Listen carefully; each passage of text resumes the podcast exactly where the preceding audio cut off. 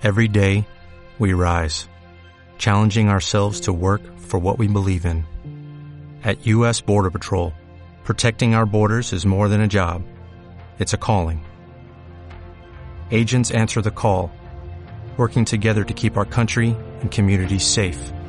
If you're ready for a new mission, join U.S. Border Patrol and go beyond. Learn more at cbp.gov/careers. Torna una de les aventures més impressionants de la teva vida, l'experiència Tunatur. Navega en catamarà des del port de l'Ametlla de Mar a la Costa Daurada. Dona de menjar a centenars de tonyines roges salvatges i neda entre elles. Practica snorkel i submarinisme i degusta la millor tonyina roja al mig del mar. Una experiència didàctica i gastronòmica en família. Informació i reserves a tuna-tour.com.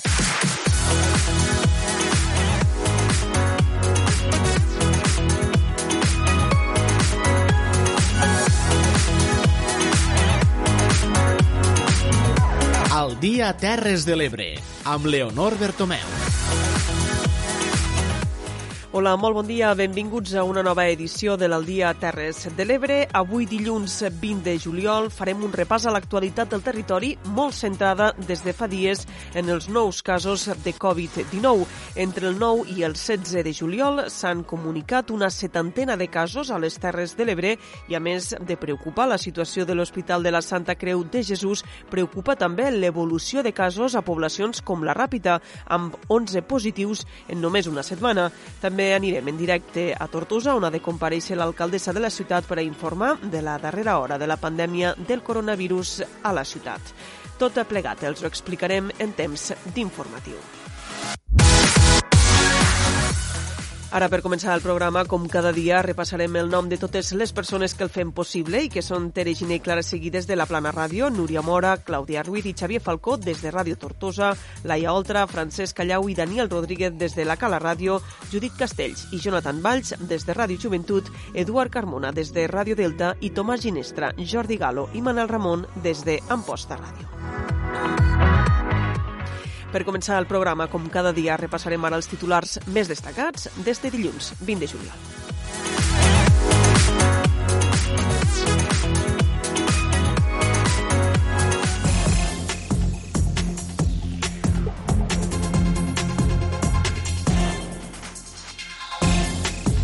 La Ràpita suma 11 nous positius de coronavirus en una setmana. També del Tebre ha informat de dos positius este cap de setmana. Amposta pren mesures per a controlar el cas de Covid-19 aparegut en un curs de monitors. Restriccions d'accés a la platja de l'Alguer de l'Ametlla de Mar este diumenge per alta ocupació. S'intensifica el patrullatge de les policies locals en alguns pobles de les Terres de l'Ebre per comprovar que la gent porta la mascareta pel carrer. Tombat el projecte de parc eòlic La Mar entre l'Ametlla de Mar i Tivissa admesa a tràmit la sol·licitud de creació de la Comissió d'Investigació del Càstor al Senat. Esquerra Republicana planifica el futur de les Terres de l'Ebre incorporant els vectors de canvi generats per la Covid-19 i que passen per la sostenibilitat i la modernitat. Roquetes i la Raval de Cristo s'uneixen amb una nova via directa per a vianants i ciclistes. Monatura Delta de l'Ebre ha obert portes este cap de setmana amb totes les restriccions de seguretat. Les denominacions d'origen catalanes del vi uneixen sinergies per promocionar el producte als consumidors. I Santa Bàrbara tanca la setmana de no festes amb una bona resposta i implicació de la població. Estos són els titulars d'avui dilluns 20 de juliol. Ens posem tot seguit a l'Aldia Terres de l'Ebre a ampliar-los tota la informació.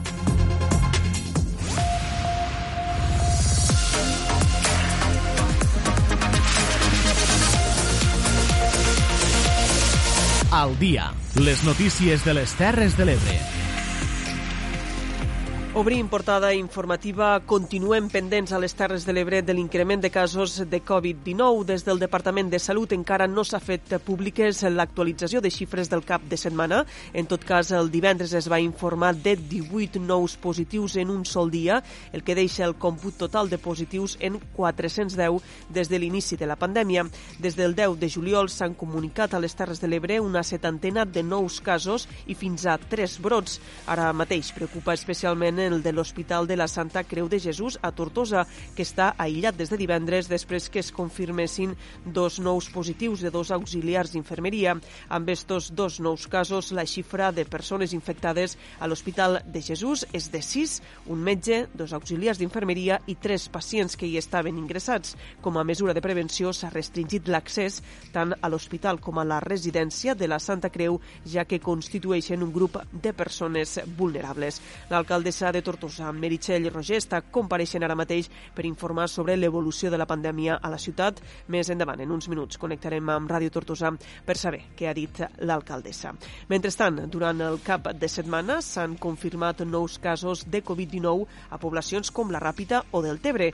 Anem en primer lloc a la Ràpita, ja que el municipi ha sumat 11 nous casos positius de Covid-19 confirmats amb PCR en la darrera setmana, entre el dilluns dia 13 i el diumenge diumenge, dia 19 de juliol. Si el recompte es fa en els darrers 15 dies, la xifra s'eleva fins als 18 positius. Unes xifres que contrasten amb el fet que durant els 3 mesos d'estat d'alarma es van comptabilitzar només 11 positius a la població marinera.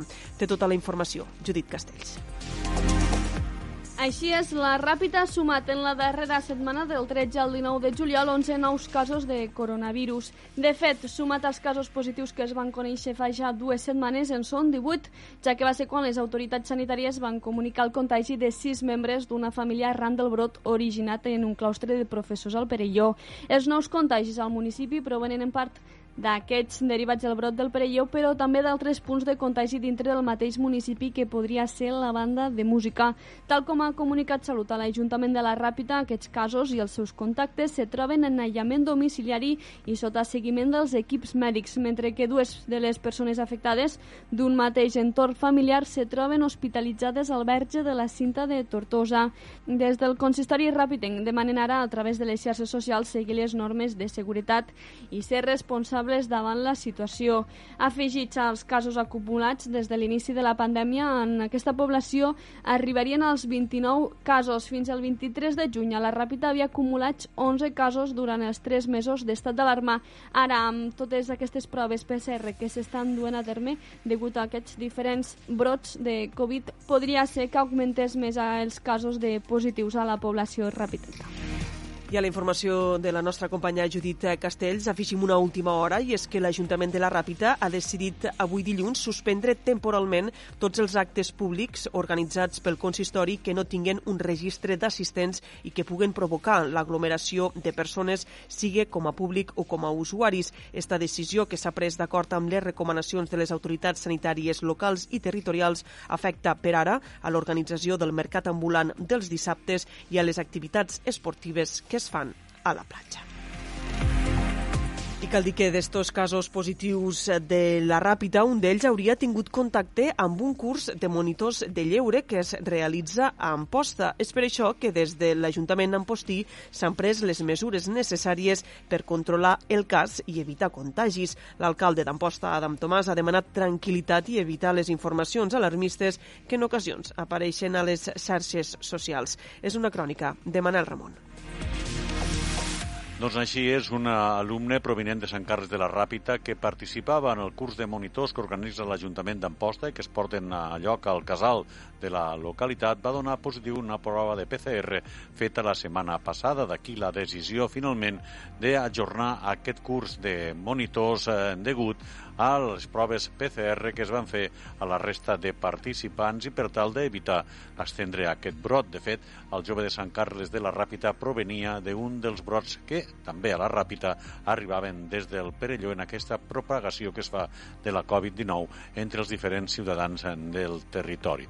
L'alcalde d'Amposta, Adam Tomàs, ho explicava. L'escoltem. Que és un xiquet que venia aquí a Amposta a fer un curs de monitors de, de joventut, de lleure. Eh, este xaval, que és de la Ràpita, formava part del grup de risc de, del brot del Perelló, que, que hi ha gent de la Ràpita que està afectat pel brot del Perelló. A este xaval se li comunica lo dilluns que, que, és, que, bueno, que ha estat en contacte en un positiu, li diuen que se'n vagi cap a casa, mos ho comuniquen, natros aturem el curs, enviem a tothom cap a casa, ara mos diuen que és positiu i s'engega el protocol de avisem a tothom i dir, escolta, precaució, quedeu a casa i Salut ja us dirà el que i tranquils, que no passa res. És a dir, la situació el que hem de fer és això que estem fent, que és controlar-la. I, I la gent, sobretot, no, no, no ha de tenir temor. En aquests moments, la major part de gent és asimptomàtica. En les paraules de l'alcalde d'Amposta, que demana tranquil·litat a la vegada que també recorda que s'han de complir totes aquelles eh, mesures i prendre les precaucions per evitar el contagi de la Covid-19. L'alcalde d'Amposta també recomana que els ciutadans i ciutadanes s'informen a través de les fonts oficials, ja que hi ha moltes informacions esbiaixades que apareixen a la red i que creen una alarma innecessària. I també a Deltebre este cap de setmana s'ha informat des de l'Ajuntament de dos casos positius de Covid-19. El primer positiu es va comunicar des de la regió sanitària de les Terres de l'Ebre el passat divendres. Es tracta d'un home de 59 anys amb residència a Deltebre. També ahir diumenge es va informar d'un altre positiu de coronavirus, si bé no es coneixen més detalls. Des de l'inici de la pandèmia, Salut ha comptabilitzat un total de 12 casos positius i 579 de sospitosos al municipi de Deltebre. I mentre continua l'increment de casos positius al territori, continuen també les imatges amb aglomeracions de gent a les platges. A la Mella de Mar, per exemple, es va haver de limitar l'accés a la platja de l'Alguer ahir diumenge perquè no se sobrepassés l'aforament permès. L'alta ocupació va obligar la policia local a tancar temporalment els accessos laterals a la platja i només permetre l'accés per l'entrada principal per controlar el nombre d'usuaris. Ens ho explica tot plegat Laia Oltra.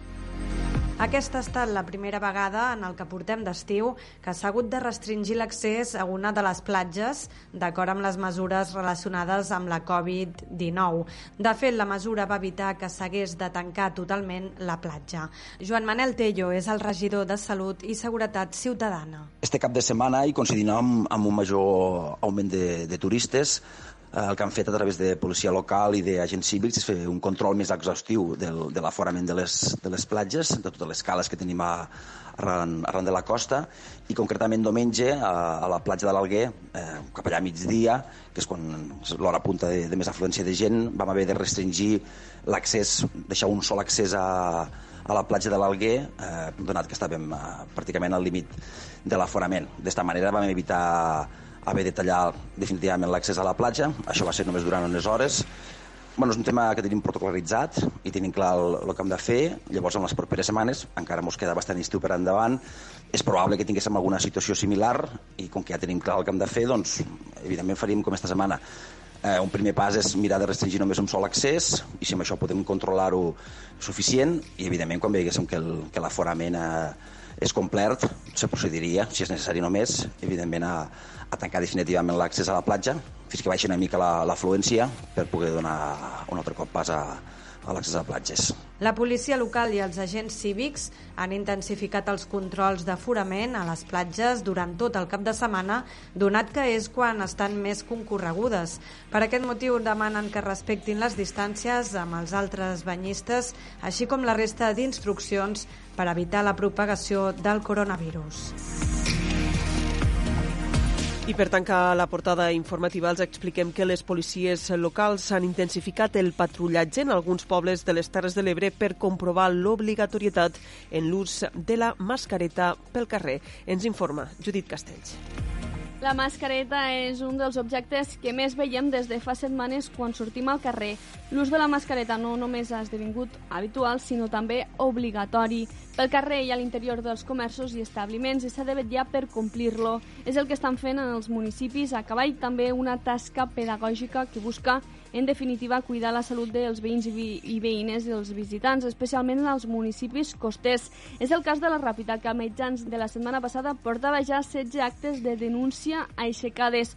Escoltem a la regidora de Governació de l'Ajuntament de la Ràpita, Conchi Vizcarro. La nostra primera tasca és informar la gent, és informar la gent eh, tot i que ja hauríem de començar a sancionar, i és cert, vale? perquè en el poc temps ja portem 16 actes aixecades, vull dir que déu nhi eh, però també informem. Hi ha gent pues, que pel que sigui està despistada, ha sortit de casa no se n'ha recordat, li veus la bona fe però, però l'errada que ha fet, no? i llavors pues, bueno, tampoc sempre dic jo que la policia no estem només per a denunciar, sinó que també estem per a informar.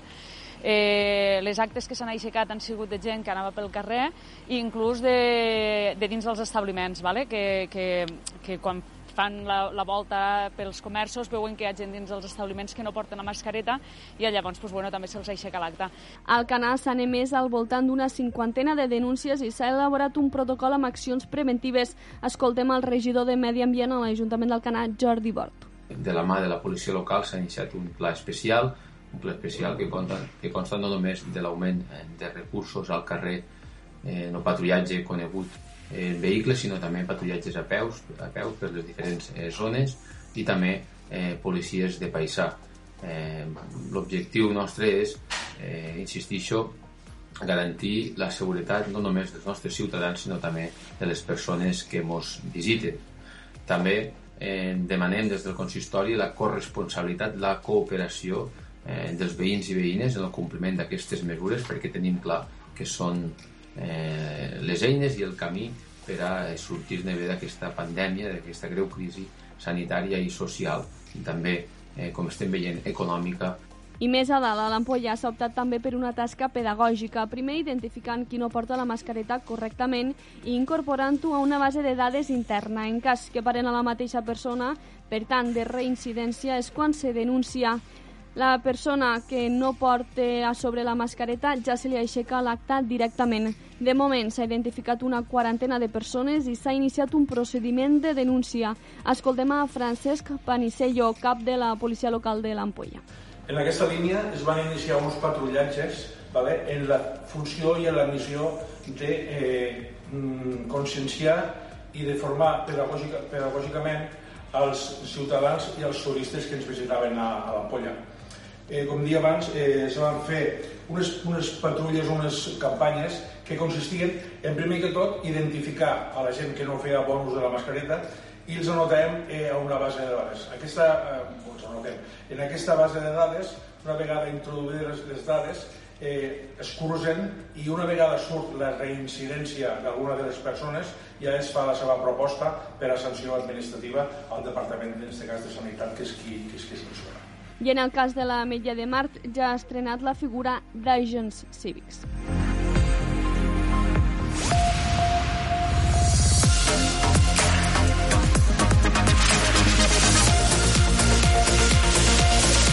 Al dia.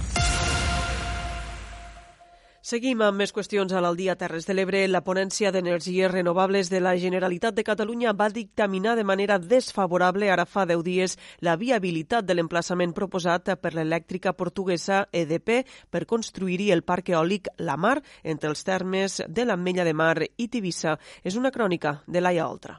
Així ho han anunciat des del GPEC, un dels opositors al parc eòlic, que s'ha felicitat per la notícia.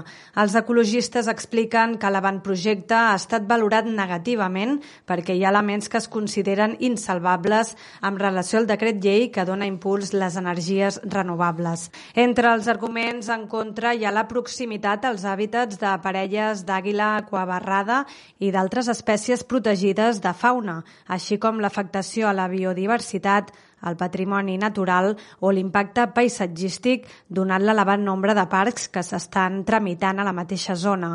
Amb 8 aerogeneradors i una potència de 32 megawatts, la Mar era el més petit dels quatre parcs eòlics que EDP Renovables planteja construir entre els termes de Tivisa, Vandellós i l'Hospitalet de l'Infant, el Perelló i l'Ametlla de Mar, amb 42 molins i una producció total de fins a 168 megawatts.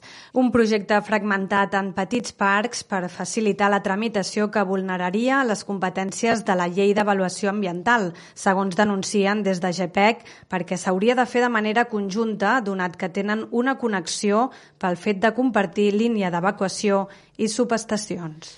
D'altra banda, la mesa del Senat ha admès a tràmit la sol·licitud de creació d'una comissió d'investigació del magatzem subterrani de gas Castor. Ens ho explica Clara Seguí. Així és, l'han demanat 25 senadors de diferents grups, entre ells el senador Carles Mulet del grup de l'Esquerra Confederal, el qual ha indicat que espera que aquesta vegada, sense dissolucions de les cambres pel mig, la majoria progressista del Senat propici que en els pròxims mesos es puguin investigar i esclarir els fets que, a més de demostrar la perillositat del Castor, han constatat una nefasta gestió administrativa d'aquest tipus de contractes. Miquel Aubà, senador d'Esquerra per Tarragona, mostra satisfacció per la creació d'una comissió d'investigació per al Castor, on es demanen responsabilitats polítiques, econòmiques i tècniques. Estem eh, molt contents de que eh, d'entrada es pugui fer esta, esta, crear esta comissió d'investigació, però això dependrà del, del plenari que al mes de setembre eh, s'ha de realitzar al, al Senat. Si els grups eh, que han respaldat o alguns altres donen suport, pues, es podria crear aquesta comissió. Eh, de fet, nosaltres des del 2013 venim demanant al Congrés com al Senat la creació de la comissió i aquesta legislatura s'ha fet allà, allà a, al Parlament de Catalunya. Creiem necessari que es depuren responsabilitats polítiques, tècniques i econòmiques. No pot ser que els desastres que van estar fent una sèrie de, de persones les hagin de pagar els consumidors del gas. Per tant, eh, hi ha responsabilitats tècniques, però també n'hi ha de polítiques, no? I és el que nosaltres voldríem acabar aclarint després de molts anys d'intentar-ho. La iniciativa promoguda per l'Esquerra Confederal va ser signada també per Esquerra Republicana de Catalunya, Euskal Herria Bildu i Junts per Catalunya. A esta informació afegim que el jutge de Vinaròs, que ha instruït la investigació dels terratrèmols provocats per la injecció de gas del projecte Castor, ha ordenat finalment l'obertura de judici oral contra el president d'Escal UGS, Recaredo del Potro, el conseller delegat José Luis Martínez Dalmau i la mateixa societat mercantil com a acusats d'un delicte contra el medi ambient. La interlocutòria reclama als acusats el pagament d'una fiança de 23.126 euros per cobrir les possibles responsabilitats civils determinades denunciades fins a este moment. La Fiscalia sol·licita una pena de 6 anys de presó per als dos directius i l'acusació particular eleva les penes de presó fins a 7. A la banqueta dels acusats del judici, que se celebrarà a l'Audiència Provincial de, Castel de Castelló, seuran també les asseguradores Chartis Europe, Lloyds i Zurich com a responsables civils. Més qüestions. Esquerra Republicana a les Terres de l'Ebre vol incorporar els vectors de canvi generats per la Covid-19 a l'hora de planificar el futur del territori i que passen per la digitalització, la sostenibilitat i la modernitat. La Federació del Partit Republicà ha celebrat divendres a Tortosa la quarta trobada institucional de càrrecs. Ens ho explica Núria Mora. La Federació de l'Ebre d'Esquerra Republicana de Catalunya ha debatut els eixos del Pla d'Actuació Territorial en aquesta trobada institucional per encarar la situació creada per la pandèmia de coronavirus. Els republicans consideren que el despoblament o el canvi climàtic es poden revertir si s'aprofiten els vectors de canvi que ha portat aquesta crisi sanitària, com són la digitalització, la valorització de la proximitat o l'economia verda. Uns eixos que Esquerra Republicana a l'Ebre vol incorporar a l'agenda política i institucional del territori.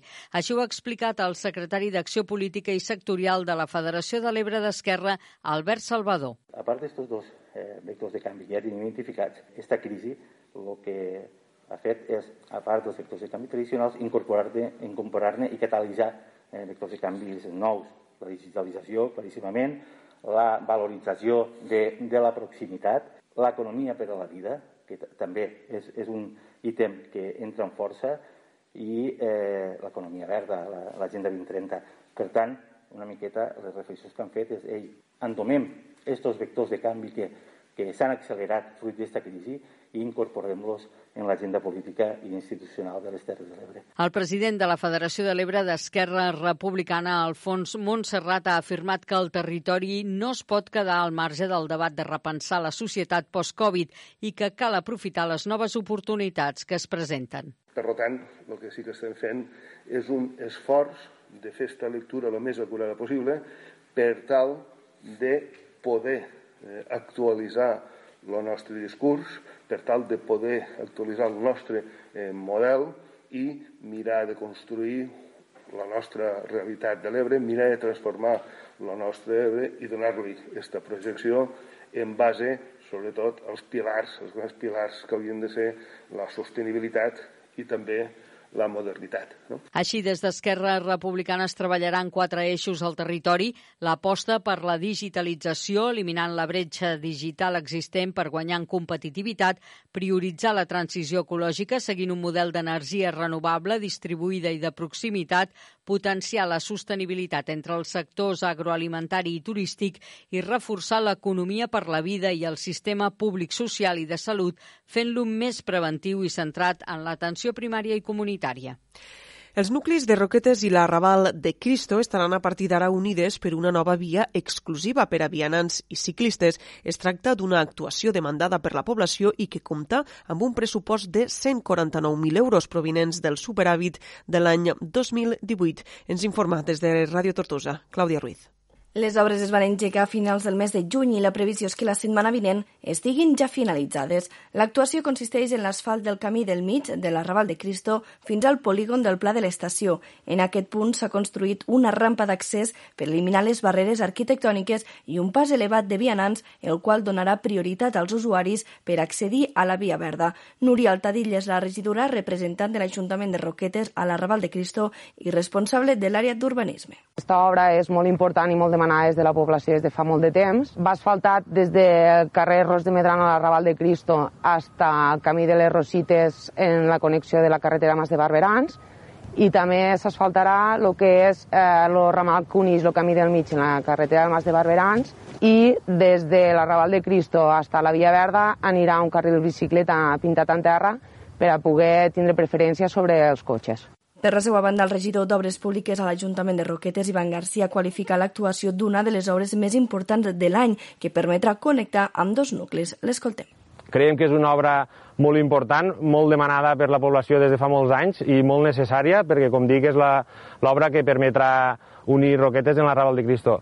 Una obra que està valorada en 149.000 euros, per tant és una de les obres importants de, de la legislatura i, i del 2020 i que és una obra que va començar fa tres setmanes i que la previsió, si no hi ha cap altre entrebanc, és que la setmana que ve pugui estar finalitzada. Les obres que ja es troben en la seva última fase tenen un pressupost de 149.000 euros que s'ha finançat gràcies al superàvit assolit l'any 2018. D'altra banda, les denominacions d'origen catalanes del vi han unit sinergies per promocionar el producte als consumidors i ho han fet a través de la nova campanya Gaudeix del que és bo. Ens ho explica Judit Castells. Són qualitat, pagesos i pageses. Aquests són alguns dels adjectius amb què la campanya Gaudeix del que és bo defineix les 11 denominacions d'origen vitivinícoles catalanes que han unit esforços per promocionar el consum del vi català. Entre elles hi ha la do Aleia, la do de la Conca de Barberà, do Costés de Segre, do Montsant, do Penedès, la DOC del Priorat, la DO Tarragona i també la DO Terra Alta, que sota aquest lema, amb el hashtag també del vi català, les DO busquen apropar al consumidor que viu a Catalunya els vins catalans amb denominació d'origen i que, per tant, són vins que garanteixen la proximitat i la qualitat. Aquesta campanya ha sorgit a través d'Incavi, l'Institut Català de la Vinya i el Vi, per tal de potenciar els vins catalans, ja que els que més se consumeixen a Catalunya no són de proximitat. El web www.gaudeixdelquesbo.com és una de les plataformes de divulgació on els usuaris poden jugar per saber quina és la do catalana que millor representa. L'objectiu és arribar al màxim de nombre de potencials consumidors i consumidores del vi català, modernitzant la imatge d'aquest vi i recalcant també doncs, els segells de qualitat que tenen. A més, els consells reguladors amb els seus cellers, viticultors i viticultores són una eina adeuen per l'equilibri territorial, permeten el manteniment de la població al territori, dinamitzen zones més desfavorides i mantenen l'entorn i el paisatge. A més, els principis de sostenibilitat són cada vegada més presents a les vinyes catalanes. Més del 43% de la superfície de vinya de Catalunya està certificada com a ecològica, amb més de 18.600 hectàrees i prop de 4.000 operadors. I anem ara fins al Delta de l'Ebre. Montnatura Delta de l'Ebre ha obert portes este cap de setmana amb totes les restriccions de seguretat. Pel que fa a la temporada d'enguany, ha calgut fer adaptacions de la programació i s'han eliminat algunes de les activitats estrella, com són el Delta Birding Festival o la Festa dels Minuts. És una informació de Júlia Alvesa. amb totes les mesures de seguretat necessàries, afronten un estiu on totes les activitats seran a l'aire lliure i aforament limitat. Tot i això, per prevenció, s'han vist obligats a cancel·lar alguns actes estrella, com és el Delta Birthing Festival o la Festa dels Menuts. Delta Birthing Festival, també han cancel·lat la Festa dels Menuts, que també era un, una festa molt important que fem a la primavera. Sí, sí, se n'ha anat enguany, hem tingut que canviar-ho tot una mica i reorganitzar-ho tot per adaptar-nos a, la, a la nova realitat que tenim aquí i que pues bueno, al final tothom no hem tingut que fer este, este esforç però han introduït novetats com música en directe a la tancada de la mà d'un artista local mentre es poden observar els flamencs i les aus de les antigues salines de Sant Antoni i també s'han preparat visites teatralitzades per descobrir la vida tradicional d'aquest indret. Enguany l'activitat estrella que és la de Contalles del Delta, que és aquesta visita teatralitzada per ensenyar una mica pues, com se vivia antigament a les antigues salines de Sant Antoni, la continuarem fent, però sí que és veritat que com que abans teníem un tastet i tal, tot això ho hem eliminat per precaució i perquè volem que els clients se senten segurs. Un any perfecte per visitar el Delta, on la natura està més viva que mai. La veritat és que ha sigut superxulo perquè he tingut l'oportunitat d'anar amb natura en el confinament per fer alguna revisió i tot això i la veritat és que estava super salvatge les, com, que, com que ha sigut una, una primavera molt plujosa, bueno, les plantes, havien plantes per tot arreu, limòniums en, en florits que estan superxulos i a més a més un munt d'ocells que hi havia una tranquil·litat absoluta, no els molestava ningú i ells, la natura és sàvia i automàticament quan no veuen gent ocupen tot el territori. És obligatori reservar les activitats prèviament. En aquest sentit, han incorporat les entrades de totes les activitats a través de la seva pàgina web. I per acabar l'informatiu i abans d'anar a la informació esportiva els expliquem que Santa Bàrbara ha viscut uns dies de festa major amb un programa de no festes, el qual ha ofert activitats que permetien cuidar les mesures de seguretat i higiene establertes. És una informació de Clara Seguí. Així és, Leonor, enguany s'ha apostat pel sector de la restauració i les trobades al carrer en grups reduïts de veïnat. Des de l'Ajuntament de Santa Bàrbara es van repartir banderoles perquè cada veí decorés la seva casa. El programa va tenir com a plat fort la visita de Quim Masferrer amb l'espectacle itinerant Moltes Gràcies, un acte en el qual van participar vora 150 persones, les quals van anar seguint l'actor pels carrers de Santa Bàrbara. La passejada dels mancets, tot i les crítiques, també va ser un acte molt ben rebut per als planers i planeres i per finalitzar el sopar de germanor del bou estofat, celebrat a diferents bars i restaurants de la població, va repartir gairebé mil racions. La recaptació d'aquests tíquets anirà destinada a l'Associació contra el Càncer de Santa Bàrbara. Laia Pla, regidora de Festes de Santa Bàrbara, ens fa una valoració. Bé, podríem valorar les festes mm, principalment un poc tristos, apenats, podríem dir, per no haver compartit els bons moments que sempre passem en les pubilles, els pubils representants del nostre poble, que són moments molt bons, els moments del ball, que estem tots junts, els moments dels bous, però bé, també podia estar contenta per la resposta que ha tingut el poble, una resposta bona, eh, en les poques activitats que han fet, com per exemple la passejada del Manset. Estic molt contenta en la comissió dels bous, eh, en tota l'organització que s'han comportat molt bé, han pres les mesures de seguretat que teníem. També estic molt contenta amb la resposta de la gent amb l'actuació de Quim Masferrer, mm, estic molt contenta també, i sobretot en la participació de, del bo estofat, que per a mi ha sigut un èxit i no, no m'ho pensàvem perquè la gent al no sortir de casa i estar conscienciats en el que estem passant és una bona resposta que crec que 1.000 euros hem aconseguit que donarem a l'Associació del Càncer. Per a mi això és el més bonic de festes que hem pogut fer aquest any i estic molt orgullosa. A tots aquests actes també s'hi va sumar la Diada de la Paella, el torneig nocturn de 6 hores de pàdel i tennis i el 3x3 de bàsquet i americà tennis al Bar Club Tenis La Plana i per acabar un castell de focs d'artifici.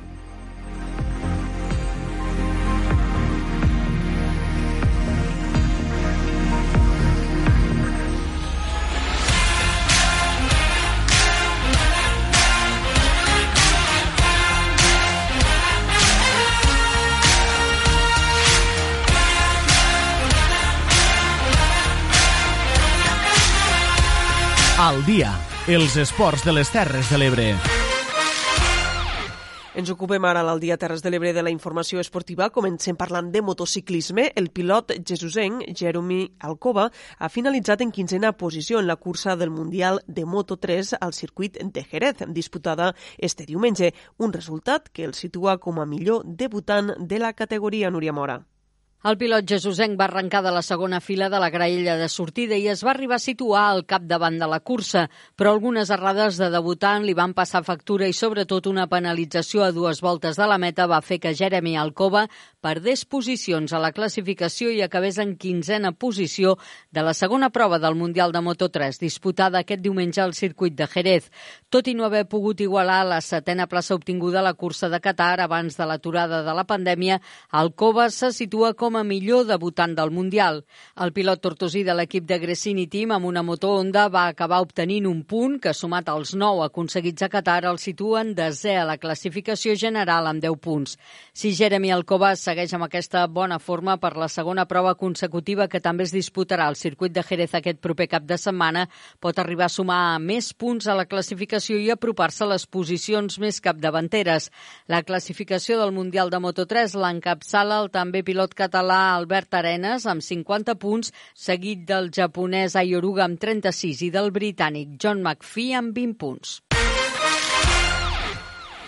I el velòdrom de Tortosa ha acollit la segona prova de la Lliga Catalana de Ciclisme en pista. Els 46 corredors van competir sota unes estrictes mesures de seguretat. Ens ho explica Judit Castells.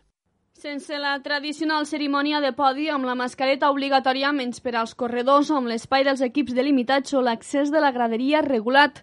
Aquestes són algunes de les mesures de seguretat sota les que s'ha celebrat la segona prova de la Lliga Catalana de Ciclisme en pista a Tortosa. Escoltem el president de la penya ciclista Baix Ebre i delegat de la Federació Catalana a les Terres de l'Ebre, Raül Querol. Ha sigut, eh, la veritat, un, una mica complicat, lo, lo poder eh, i participar i poder organitzar un, una prova d'aquest tipus perquè tots els protocols que hem, que hem seguit ha sigut eh, novedós per a nosaltres. Tot i això, la participació va ser molt bona i van córrer 46 ciclistes d'equips de tot Catalunya. I la veritat és que ha vingut tota la base de la, del ciclisme infantil en pista, que és el que a nosaltres ens interessa com a ciclisme, la promoció del ciclisme en pista. Després del confinament domiciliari, les ganes de competir que tenien els ciclistes estaven intactes. Escoltem a dos corredors participants, a Santiago Cabadip i a Tomàs Deusdat. Al momento me siento bien, las piernas eh, un poco cansados. Eh, hace tiempo que no he hecho pistas, pero voy bien. Sí, el, objetivo es para a ganar, sí. Les carreres de, de pista són importants per a les classificacions dels campionats d'Espanya, eh, sobretot la, les de velocitat, perquè són el meu punt fort i el que intentaré anar a disputar als campionats d'Espanya. De moment hem fet la velocitat per parelles, que hem aconseguit fer segons, i després una puntuació que eh, he, eh, he provat d'escapar, he, he doblat, i després hem treballat per tot l'equip i he pogut aconseguir la tercera posició i ara a la Longest Lap espero fer primer perquè és una prova que se'm dona molt bé i és una velocitat i espero treure el millor de mi. Els pronòstics, però, no se van poder complir. En la categoria sub-23, Santiago Cadavid va quedar tercer en la classificació general i Tomàs Deusdat també va ocupar la mateixa posició en la categoria cadet. En categoria cadet femenina se va imposar Citali Pareja del ciclisme terrassa. Torna una de les aventures més impressionants de la teva vida, l'experiència Tunatur. Navega en catamarà des del port de Mella de Mar a la Costa Daurada. Dona de menjar a centenars de tonyines roges salvatges i neda entre elles. Practica snorkel i submarinisme i degusta la millor tonyina roja al mig del mar. Una experiència didàctica i gastronòmica en família. Informació i reserves a tuna-tour.com. Temps ara per a l'espai de l'entrevista. La setmana passada es van celebrar eleccions a la territorial de les Terres de l'Ebre de la Federació Catalana de Caça i després d'una jornada històrica pel que fa a la participació va sortir escollit a José Pedro Tomàs com a nou president. Tomàs és també president de la Societat de Caçadors Sant Miquel de la Cava i substitueix en el càrrec a l'històric Manolo Royo, que ha estat al capdavant de la federació en els darrers anys. Així que ara avui a l'espai de l'entrevista rebem aquí als estudis de Delta.cat el nou president de la territorial de Caça de les Terres de l'Ebre, José Pedro Tomàs, bon dia. Bon dia. Eh, podem dir que vostè no és un nou vingut en el món de la caça, porta ja molts anys implicats en, en la gestió de, de, de la caça al territori, com a membre de la Junta Directiva de la Territorial i també com a president de la Societat de Caçadors Sant Miquel de la Cava, no? Per tant, no és un nou vingut en el món de la caça. No, evidentment que no. Ja fa molts, molts anys eh, que a nivell de poble i després Tarragona pues, sí, són 30 i pico d'anys. Llavors, pues, bueno, eh, va arribar un dia que ens vam traslladar a Amposta, estàvem a Tarragona, Manolo Rollo, jo i Carlos Colomé i Juan José Adell, i al ficar l'implantar el, el departament aquí a, a Tarragona, vam, a Amposta, vam veure convenient lo passar-nos aquí a Amposta, ho vam aconseguir, això va ser el 2006, sempre han portat la federació de la millor manera i com millor sabien. El que passa que després d'aquestes de, eleccions tan accidentades i al mateix temps alegres, perquè accidentades en el sentit del, de la interrupció pel Covid, això ens ha portat una, un temps que cansats, estaven cansats ja, i després bona perquè la participació ho diu. O sigui, és, això és senyal de que el caçador està viu, de que vol les coses que es feien com s'han de fer, i això per a nosaltres ens ha de servir per a, per a ficar-nos les piles, no? O sigui, caçadors i caçadores estan al dia, volen les coses ben fetes, i hem de donar la talla. Llavors, pues, uh -huh. això ha sigut. Quins són els objectius, els eh, principals reptes que vostè s'ha marcat com a nou president eh, de la territorial de les Terres de l'Ebre? Vostè ha fet eh, sobretot molta incidència en la unitat del col·lectiu de caçadors. Bueno, aquí en l'experiència que hem tingut en les federacions, les federacions ja sabeu que són molt centralistes, perquè venen ja de les federacions espanyoles, i llavors les, les federacions en altres món han donat compte en aquest temps que s'enquisten, no? O sigui, és un, un mateix sempre, saps? Llavors aquí vam... El plantejament nostre és totalment diferent. Volem, volem que cada comarca cada comarca porti els problemes porti els problemes de la federació no, no la federació continua com sempre, no? esperant eh, hi ha quatre presidents un per comarca, en, en un company o dos companys que, que, que estan també a la Junta, però el que, lo que hem impulsat moltíssim que és els que ens han d'aportar els problemes reals de, de, de, del caçador i la caçadora és els voluntaris i els assessors. Hi ha voluntaris i assessors de molta, de molta envergadura, gent molt preparada, fins al punt de que quasi m'atreviria a dir que si en los 23, en los 11 de la Junta y el resto de colaboradors, eh, esos col·laboradors diguessin demà que anem a fer una candidatura, jo en els ulls tancats els votaria, perquè estan super preparats tots. I hem donat este... hem obrit la federació al, al, a, les, a les comarques, saps? I després també hi havia alguna comarca que d'alguna manera se sentia una mica discriminada perquè el reparto dels càrrecs no estava massa ben pensat i ara actualment començant per Divisa, Alfara Carles, o sigui, hi ha una representació més, més homogènea, saps? Més, més, més, més repartida. Vostè arriba a la presidència en un moment eh, no, no sé si dir complicat, eh, però sí eh, no, molt intens per, a, per al col·lectiu de caça, sobretot arran de, de la, del nou decret 5 barra 2020, que, que el que fa doncs, és un, implica un nou règim de sancions eh, per a la caça. Des del col·lectiu heu denunciat que, que són desproporcionades i fins i tot eh, vau prendre una mesura extraordinària que és fer vaga eh, els caçadors, però bé, sembla que les protestes al final han acabat donant el seu fruit no? I, i teniu bones notícies en aquest sentit. Sí, a veure, eh, nosaltres la veritat que caçadors i caçadores estem acostumbrats a tindre algun susto. Eh, llavors mos, mos ha vingut un, de nou això, però, però que, que és, un, és un treball dia a dia defensar el caçador, s'ha de defensar. Eh, llavors ja en vaig haure una de regulació així, ja en vaig haure una fa 12 o 15 anys, també va, va sorprendre, i ara esta ha sigut ja lo, la gota que, que ha fet vessar el got, no?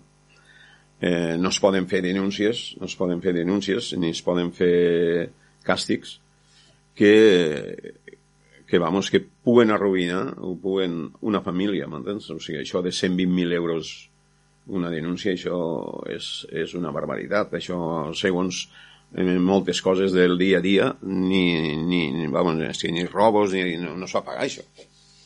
Llavors, ens vam veure obligats Perquè, claro, tampoc és el tope este, és antes d'arribar les exageracions que hi ha també.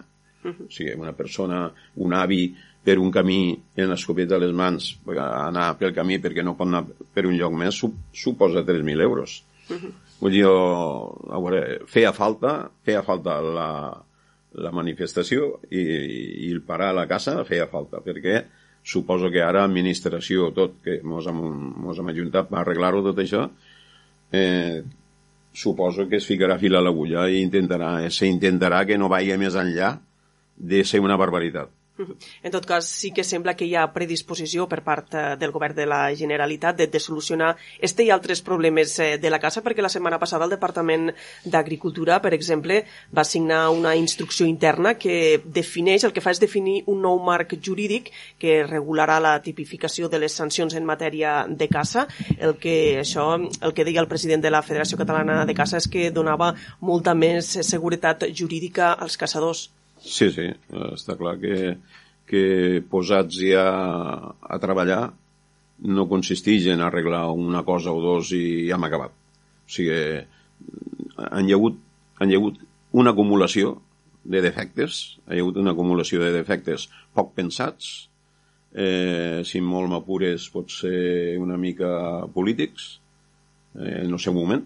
Per exemple, quan s'arramen les eleccions, per a tindre tot Déu content eh, s'han fet coses que no es tenien que haver fet mai i llavors pues, eh, ara ens trobem en, en el pastel que ens trobem no? eh, mos hem de sentar i hem d'aclarir que bueno, pues, pues, pues los ecologistes i els animalistes i això pues, busquen el que han de buscar però que hi ha unes coses que allí estan que són els caçadors i pescadors i, i tradicions i, i tot això no, no, no es pot trepitjar per a quedar para quedar un i els demés dir, mira, ja han aconseguit que, que marxin cap a casa. Ni en tot cas, aquestes noves tipificacions sí que el que fa és donar això, més seguretat jurídica, no? És a dir, acoten sí. molt més que és infracció i que no ho és, que era un, un tema, un problema que, que teníeu damunt de la taula. Sí, és que dalt de la taula hi ha un tema que és crucial. Tot, tot se mou i tot se... en el tema este. O sigui, necessitem la llei de casa urgent necessitem una llei de casa urgent perquè a Espanya ja quasi bé tot, la majoria d'autonomies la tenen i el que no podem fer és anar en arreglos puntuals i no, o sigui, hem de saber tots el que hem de fer, quan ho hem de fer i, i anar tots ja pel mateix camí. Precisament la consellera Jordal que va dir que un dels objectius era arribar no, a fer esta nova llei de caça a Catalunya, ja que l'actual legislació data del 1970, sí. eh, per tant ja està molt caducada. I una de les reivindicacions dels caçadors és sobretot que se us reconegue com a gestors no, de, de la sí. biodiversitat i com a, com a gestors i conservadors també del territori. Sí, perquè una cosa sí que està clara, és que ecologista sense caçador o caçador sense ecologista mmm, la prova la tens en, en el parc natural. O sigui, ens necessitem tots. Ens necessitem tots. Eh, jo crec que s'ha d'aprendre molt de tot, sobretot el que és el món eh, parcs naturals i tot això del caçador, hem d'exprimir la taronja al màxim que puguen perquè són els que saben del, terreny, de, del terreno i de tot, són els que saben. La prova està, per exemple, en l'estudi que s'ha fet d'Artemisen. O sigui, aquí és de veure que el caçador està obert a treballar i a, i a, i a luchar perquè tot se respecti i tot eh, arribi a bon terme. Sí, perquè esteu participant amb la Fundació Artemisa en, no? en un estudi de monitoratge sí. de les espècies cinegètiques del Delta sí. de l'Ebre, que és el que heu fet en aquest estudi. Bueno, en aquest estudi el que se, se seguia un ritme que era la prohibició. Enguany prohibim això, l'any que ve prohibim allò, i realment no hi havia res dalt de la taula que et digués ah, se prohibís per això dient que, bueno, pues, eh, hi havia algunes coses, però no hi havia un, una cosa clara de per què es prohibia. Llavors vam, vam frenar en seguida, vam frenar en seguida i es va prendre aquesta actitud i jo crec que feia falta perquè nosaltres hem de saber cada espècie en quina situació es troba, la que, la que es pot caçar més, la que es pot caçar menys, la que se li ha de donar un respiro, la que no es pot caçar tant, eh, o sigui, eh, ha d'haver un, un control, perquè el caçador si hi ha caça, caça, i si no hi ha caça no pot caçar. En el cas del Delta de l'Ebre també esteu col·locant rampes a la xarxa de rec, no?, per a evitar la mort de, de les, de, de, bueno, dels polls de, de, les, de sí, les aus, no? Sí, bueno, això és una mancança, eh, això ha sigut una mancança que hi ha hagut Des de fa molts anys no, no es va contemplar els projectes, les, sal, les, les rampes de salvament, llavors se va anar tirant del tema, fins que al final em vam donar compte que, que no podia ser, que no podia ser. O sigui, que este tabú, este tabú que diuen lo, lo caçador salva per a matar, pues això és, és una mica cruel, no?, dir aquestes paraules, però s'han dit. O sigui, el caçador salva perquè ha de salvar i no el caçador llau. Tothom que vegi com s'estan morint els patets dins del canal, quan arriben a una toma a una toma de rec i se'ls traga cap a dins i surten anegats per l'altre costat, i, bueno, barbaritats que no cal, no cal entrar en detalls. Ens queda molt poc d'entrevista, de fet, eh, un minut. Eh, me comentava abans que estem preparant tot un protocol d'actuació pel Covid-19 de cara a la temporada que comença en, en, pocs, en poques setmanes o en pocs mesos. Sí, el dia, el dia 16 en concret a començar ja la mitja veda i bueno, eh, sé, me consta que s'està preparant algo està, se ho estan preparant perquè com estem en, que la marxa que portem serà la que serà pues hi haurà un protocol per a, per a de quina forma i de quina manera poder caçar sense, sense infectar-nos. Doncs eh, moltes gràcies a José Pedro Tomàs, president de la Territorial de les Terres de l'Ebre de la Federació de Caça, per ser avui al nostre programa i fins una altra. Moltes gràcies.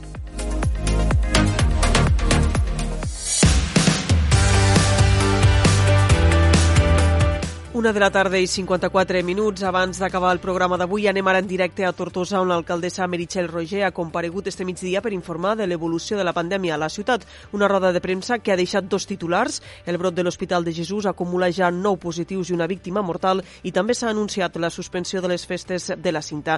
Anem en directe a Tortosa per ampliar aquesta informació. Núria, bona tarda. Hola, bona tarda, Leonor. Així és. L'alcaldessa de Tortosa ha informat que el brot de coronavirus a l'Hospital de la Santa Creu de Jesús s'eleva ja a nou persones infectades, una de les quals ha mort aquesta nit. Es tracta d'un dels pacients que va donar positiu la setmana passada i que estava ingressat a la planta de paliatius del Centre Sociosanitari de Tortosa. Els sis positius que ja es van detectar la setmana passada a l'Hospital de Jesús, recordem, tres professionals sanitaris i tres pacients, també han donat positiu de Covid-19 en les darreres hores tres germanes del convent de la Consolació de Jesús que haurien tingut contacte amb una de les auxiliars d'infermeria contagiades. A banda d'aquestes nou persones, a l'Hospital de Jesús s'ha derivat des del Verge de la Cinta un altre pacient Covid, que no té res a veure, però, amb el brot originat la setmana passada. Excepte els pacients, la resta de persones contagiades es troben estables i aïllades. Segons l'alcaldessa, s'han fet 750 proves PCR en l'àmbit de l'Hospital de Jesús, tant a professionals i pacients, així com també als residents de la residència de gent gran del centre. A banda dels 10 positius, tota la resta han donat negatius. L'alcaldessa ha anunciat que per precaució també es faran 150 proves més a tots els pacients del servei de nefrologia que es dona a l'Hospital de la Santa Creu de Jesús. Cal dir que, a conseqüència d'aquest brot, s'ha tancat l'accés a la residència de gent gran i s'ha restringit les visites externes a l'Hospital de la Santa Creu. A banda del brot de Jesús, hi hauria un segon brot a Tortosa que afectaria, sembla ser, una família de sis membres i que, segons ha informat l'alcaldessa, es trobarien aïllats en un centre, en aquest cas de Tarragona. D'altra banda, com deies, Leonor, l'alcaldessa de Tortosa ha informat avui que se suspenen definitivament les festes majors de la cinta de Tortosa que, havia, que estava previst celebrar, com és habitual, a principis del mes de setembre per precaució i per evitar, evidentment, més contagis i per garantir la seguretat de la ciutadania. Doncs moltes gràcies a Núria Mora per esta última hora. Des de Ràdio Tortosa insistim, l'alcaldessa de la ciutat ha comparegut este migdia per a informar de l'evolució de la pandèmia a la ciutat amb estos nou positius a l'Hospital de la Santa Creu de Jesús i una víctima mortal i també s'ha informat d'un segon brot que afecta a una família de la ciutat. També s'han suspès les festes de la cinta de Tortosa. Amb esta última hora acabem el programa d'avui, ho deixem aquí, tornem a partir de la una del migdia demà a l'Aldia Terres de l'Ebre.